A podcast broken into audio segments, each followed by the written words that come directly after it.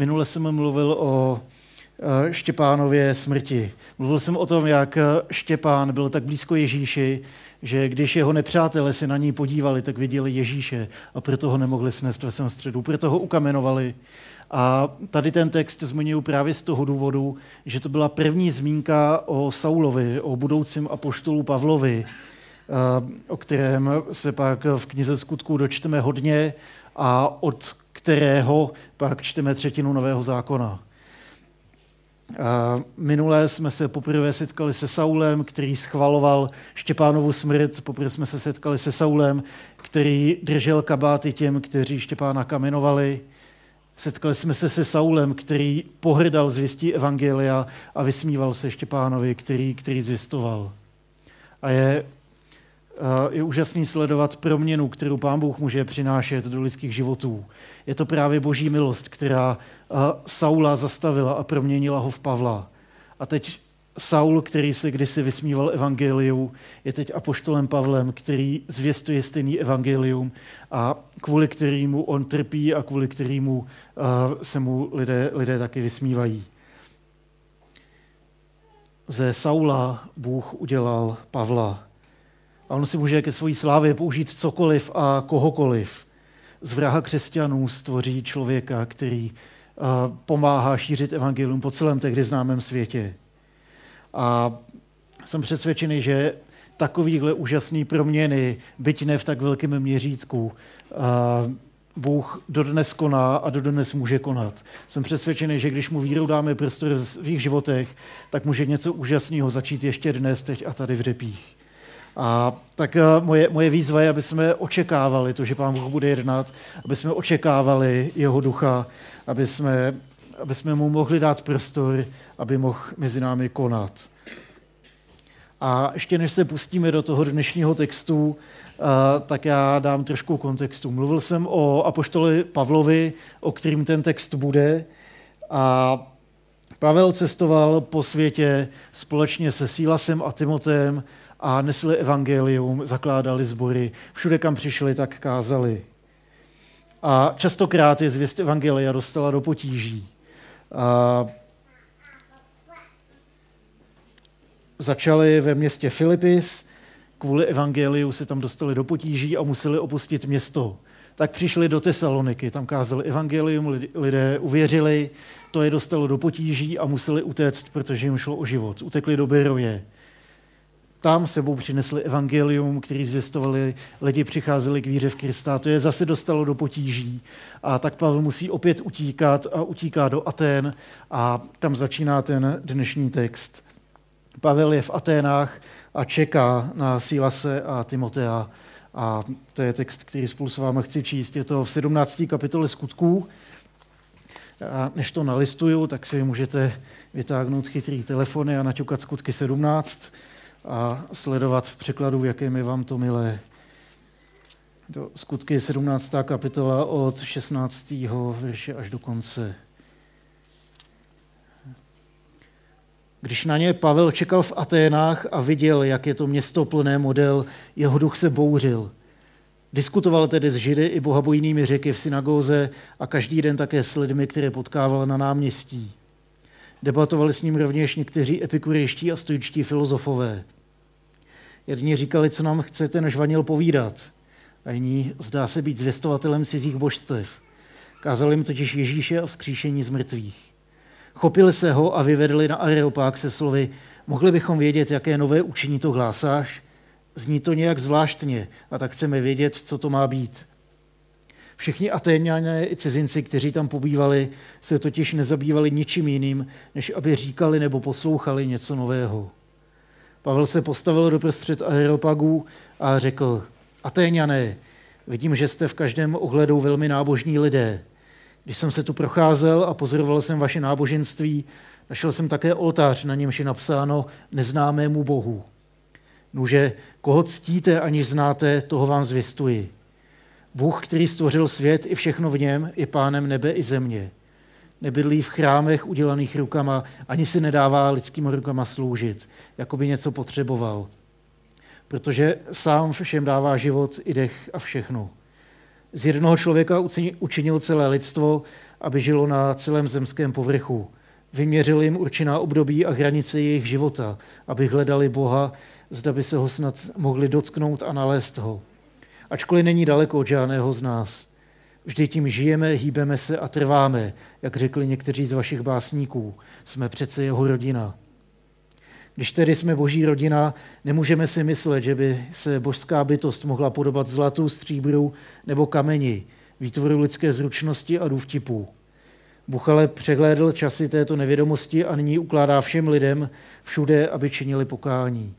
Učinil totiž den, v němž bude spravedlivě soudit svět skrze muže, kterého k tomu ustanovil, o čemž podal každému důkaz, když ho vzkřísil z mrtvých.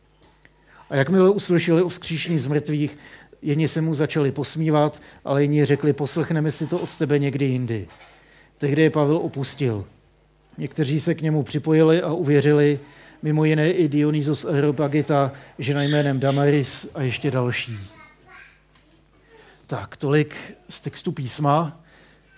Krásný obsáhlý příběh a je v tom spoustu materiálu k přemýšlení. Když se zamyslíte nad tím kontextem, jak jsem řekl, než jsme četli, jak Pavel cestoval a kázal a utíkal a cestoval a kázal a zase utíkal, tak z pohledu obyvatel těch měst, kam přicházel, se může jevit jako nepoučitelný recidivista. Kamkoliv přišel, kázal evangelium, i když věděl, že ho to může dostat do potíží a že mu půjde o svobodu a možná dokonce i o život. Proto tak často musel cestovat, proto musel utíkat, proto strávil spoustu času ve vězení.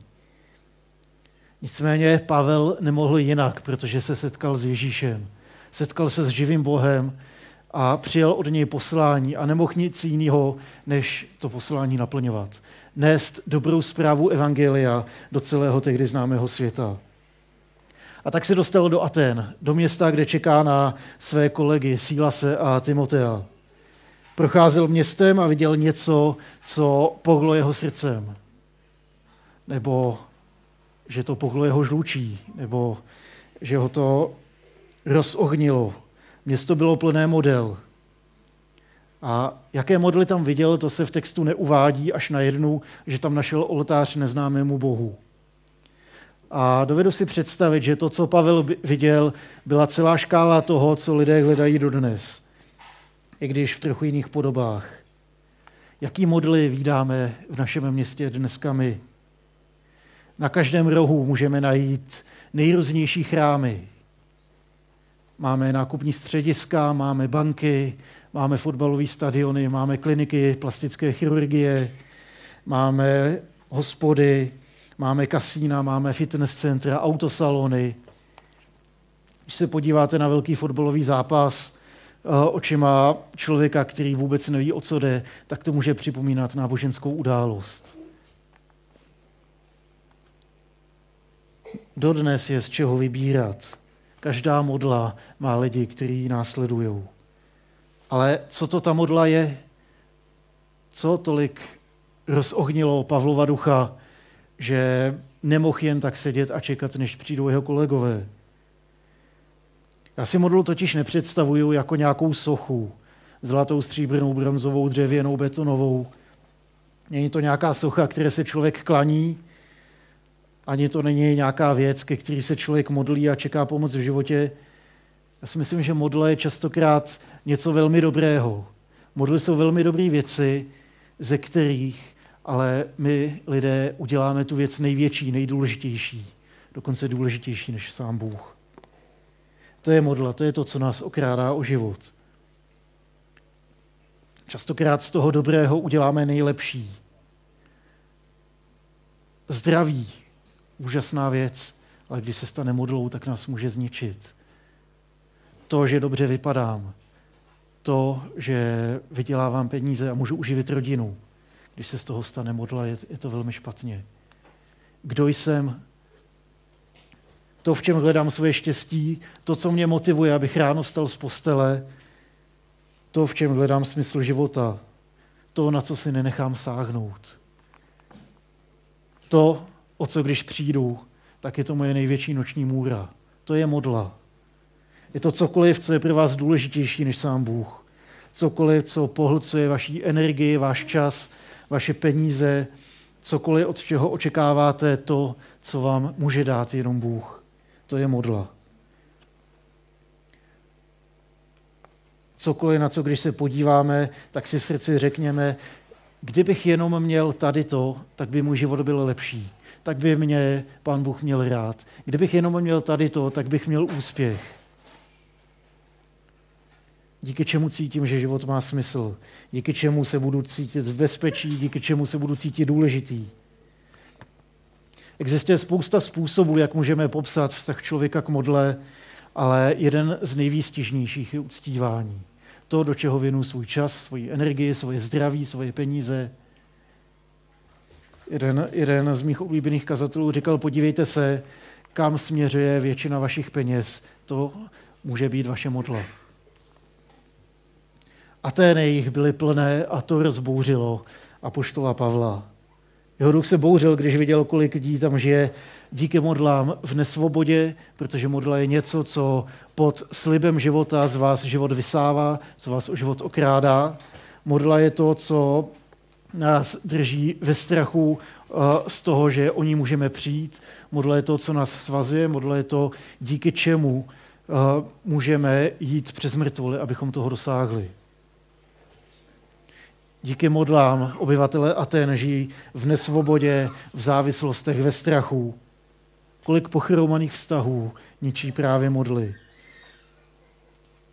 Kolik obelhaných lidí bloudí životem bez Ježíše tímhle světem.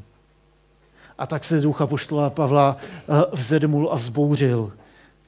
Hněvem, možná zármuckem, možná touhou potom, aby, aby se obrátil, aby našli víru v Ježíši anebo to byla směsice všeho toho. Jsem si přesvědčený o tom, že když vám Duch Svatý ukáže nějakou takovou situaci, když vám ukáže město plný lidí, kteří se ženou za něčím, co není pravda, tak, takže to s námi pohne. Že nás to nadzvedne ze židle a, vzbudí to v nás touhu něco s tím udělat. Když vám Duch Svatý ukáže, jak eh, lidé jsou ztracení a jak, jak eh, jdou za nějakou modlou, tak vás to nemůže nechat v klidu. Že lidé žijí v klamu, že usilují o něco, co nemůže dát život. A že si lidé způsobují spoustu utrpení a trápení a starostí jenom tím, že se právě nějakou modlou nechají okrádat o život. Ale apoštol Pavel se zároveň nenechal unést hněvem, když tady to viděl. Byť svatým hněvem, protože přirozenou lidskou reakcí by bylo fajn, tak jsem teď tady viděl něco, musíme s tím něco udělat. Teď je to špatně. Teď je špatně, že lidi uctívají moc, peníze a sex jako svoje bohy. Co s tím uděláme? A poštol Pavel ale reagoval v lásce a nejednal ve hněvu. Neodsuzoval, nenadával, nesvolával na ně peklu ani se nestáhl do ústraní, kde by si říkal, tak uh, už, už jsem od nich pryč, ať, ať to s nima dopadne, jak chce. Ani si nestěžoval, jak, jak je to hrozný s těma obyvatelama města. Jak, jak to město je bezbožné, prohnilé, skažené. Namísto toho začal rozmlouvat s lidma, kde to jenom šlo. V synagoze, na náměstí, na tržnici.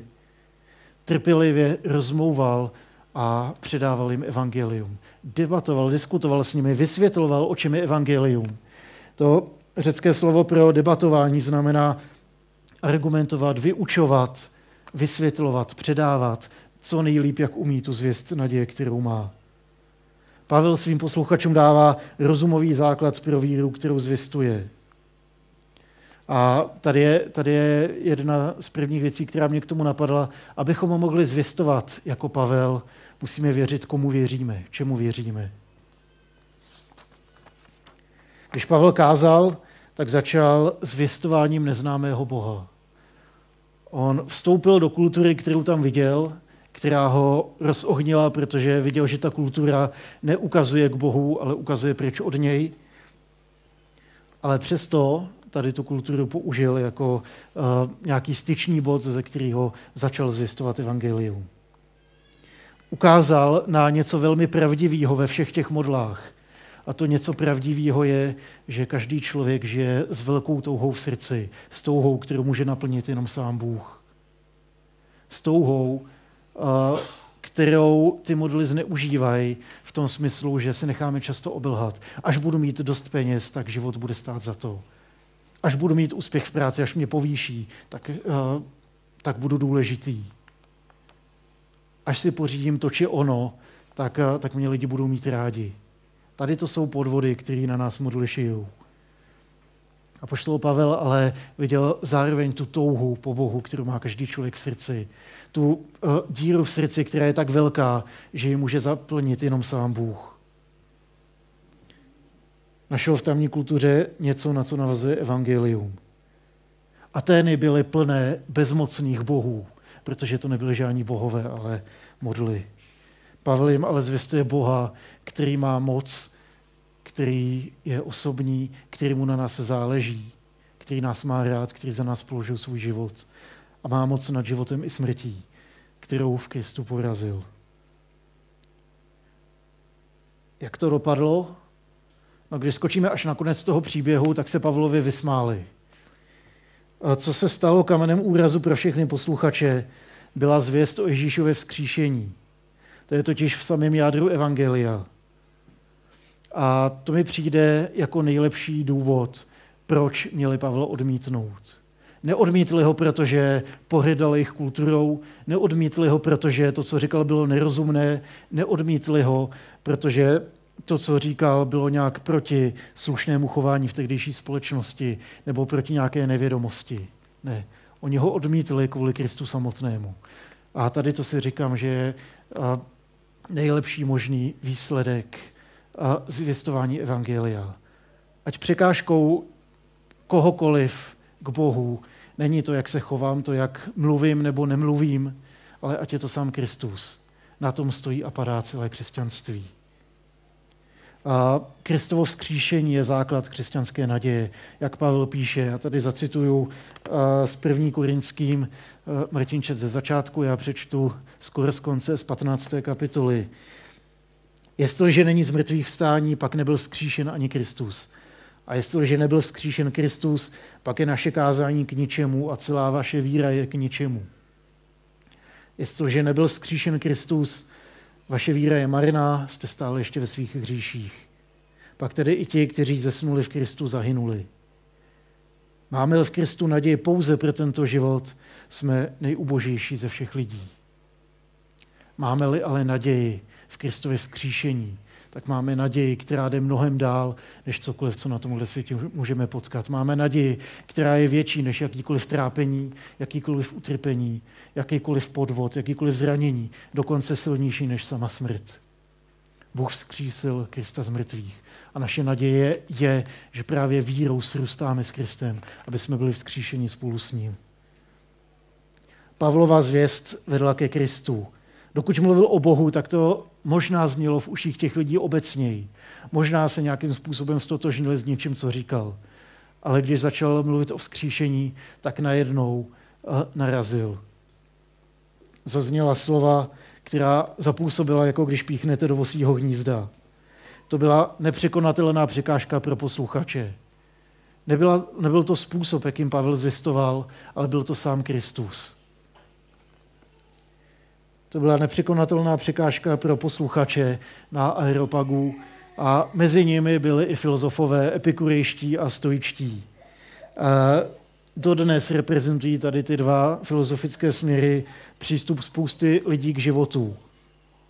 Jedni Boha jako vyšší moc popírají a druzí se od ní snaží odpoutat. Tady to, když schrneme praktický dopad těch filozofií, tak vlastně můžeme vidět to samé i dneska. A někdo se snaží Bohu vyhnout tím, že eh, poruší všechny pravidla, že žije totálně nenábožensky, že žije jako ten ztracený syn, který, který uteče od otce a snaží se užít ze života tak moc, jak to jenom jde. Druhý způsob je, že si Boha snažíme zotročit tím, že dodržíme všechny pravidla že budeme jako ten jeho starší bratr, který nikdy neodešel, ale přesto otcem pohrdal stejně jako ten mladší bratr. Ale cestou ven je evangelium. Cestou ven není ani to, že všechny pravidla buď dodržíme, nebo porušíme. Cestou k životu je evangelium, který nám ukazuje na samotného Boha, na milujícího Otce, na Boha sestupujícího, který se k nám sklání, který přichází. Epikurejci věřili tomu, že všechno je jenom náhoda, že smrt je definitivní konec a proto si ze života musíte užít tak moc, jak to jenom jde, protože nejvyšší životní hodnota je potěšení, vyhnout se strasti. Přišli na to, že nejlepší způsob, jak dosáhnout potěšení, je jednoduchý životní styl. Takže epikurejci si prostě užívali života. To byla jedna skupina lidí, kterým Pavel zvěstoval evangelium. Pravý opak byli stojkové. To byli, možná známe stoický klid. Všechno je Bůh a všechno je předem dané. Osudu nejde nějak uniknout a jejich nejvyšší hodnota byla mravnost. Podřídit se osudu a odpoutat se od toho, co se děje, aby to mnou neotřáslo. Tak praktickým důsledkem jejich přesvědčení byla apatie, že úplně se odpoutali od dění ve světě, bylo jim to jako jedno. S definitivností pasivně přijímali všechno, co přichází. A je to takové pasivní přijímání osudu. Oběma skupinám ale Pavel otřásá základním kamenem jejich víry, když zní evangelium.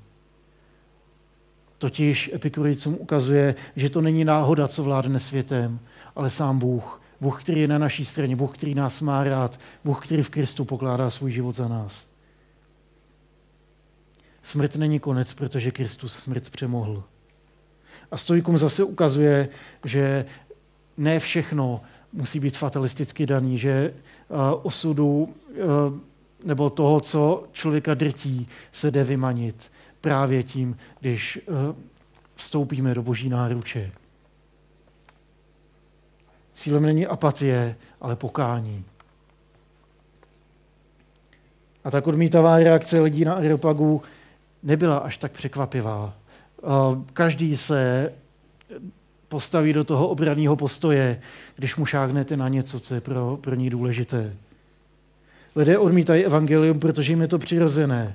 Protože dokud Duch Svatý neotevře naše oči, dokud Duch Svatý neotevře naše uči, uši, dokud neotevře naše srdce, tak eh, mi evangelium může být zvěstováno horem dolem, můžu to chápat, jak nejlíp budu umět rozumem, ale stejně mi to k ničemu nebude. Dokud Duch Svatý neotevře lidské srdce, tak to evangelium nás bude míjet. Ani Pavlovo kázání nepřesvědčilo tolik posluchačů, až na několik málo. Protože je to Duch Svatý, kdo otevírá lidské uši ke slyšení Evangelia a lidský srdce k tomu, aby ho mohlo přijímat. Evangelium totiž zvěst o boží lásce, která k nám přichází v Kristu. Zvěst o Bohu sestupujícím, o Bohu, který se vydává za nás. O Bohu, který mu náš osud není lhostejný. O Bohu, který položil hlavu na špalek a řekl, radši já než vy. O Bohu, který vstal z mrtvých a tak můžeme mít naději, ať se děje cokoliv. A tady to evangelium jsem přesvědčen, že je mocnější než jakýkoliv světonázor, jakákoliv filozofie nebo jakákoliv modla, která dneska je k nalezení nejen v Praze, ale po celém světě. Dnešní společnost je taky plná model. Někdo usiluje o peníze, někdo usiluje o moc, někdo usiluje o to urvat si ze života, co to jde. Někdo touží po slávě. A všichni si říkají, až to budu mít, tak ten život bude stát za to. A pak je tady evangelium. Je tady dobrá zpráva o Bohu, který nás miluje. Dobrá zpráva o Bohu, který nás může osvobodit od toho, že i když se lžu, tak to neznamená konec života, protože moje, moje já, moje identita není spjata s mojí modlou, ale spjata se samotným Kristem. Dneska žije taky spoustu epikurejců, kteří si užívají tak moc, jak to jenom jde, nebo že je spousta stojků, kteří se snaží vymanit uh, z osudu. Ale co tomuhle světu chybí nejvíc a co my jako církev máme, ten nejcennější poklad, tu perlu, pro kterou stojí za to prodat všechno, co máme, je evangelium. Je to naše zkušenost s Ježíšem Kristem, naše zkušenost s živým Bohem. Naděje toho, že je tady Bůh, který na nás záleží, který nás má rád, který je na naší straně. A potom, ať se děje cokoliv, tak Ježíš je cesta ven. Tak on je tou mocí, kterou, eh, která může změnit běh věcí. On je tím, kdo mě může osvobodit od toho, eh, že se zač- budu strachovat tím, vydělám dost na to, abych uživil rodinu, vydělám dost na to, abych byl důležitý člověk. Ježíš nás může osvobodit od strachu, který nás drtí. Ať už je to strach o pozici v práci, strach o výši výdělku, ať už je to strach o vztahy nebo o naše bližní. Ať už nás svírají nějaké obavy, úzkosti, Ježíš je cestou ven. Protože on není Bohem vzdáleným, ale blízkým. Není Bohem z matku, jak říkali epikurejci, ale je Bohem řádu, je Bohem, který má poslední slovo. Není bezmocným, ale naopak je všemocným. Náš osud mu není ukradený, ale naopak mu na nás tak moc záleží, že dal to nejdražší, co měl, aby mohl být s náma. To nejdražší nám dal, aby my jsme to nejvíc, co v životě můžeme mít, našli právě v něm. Amen.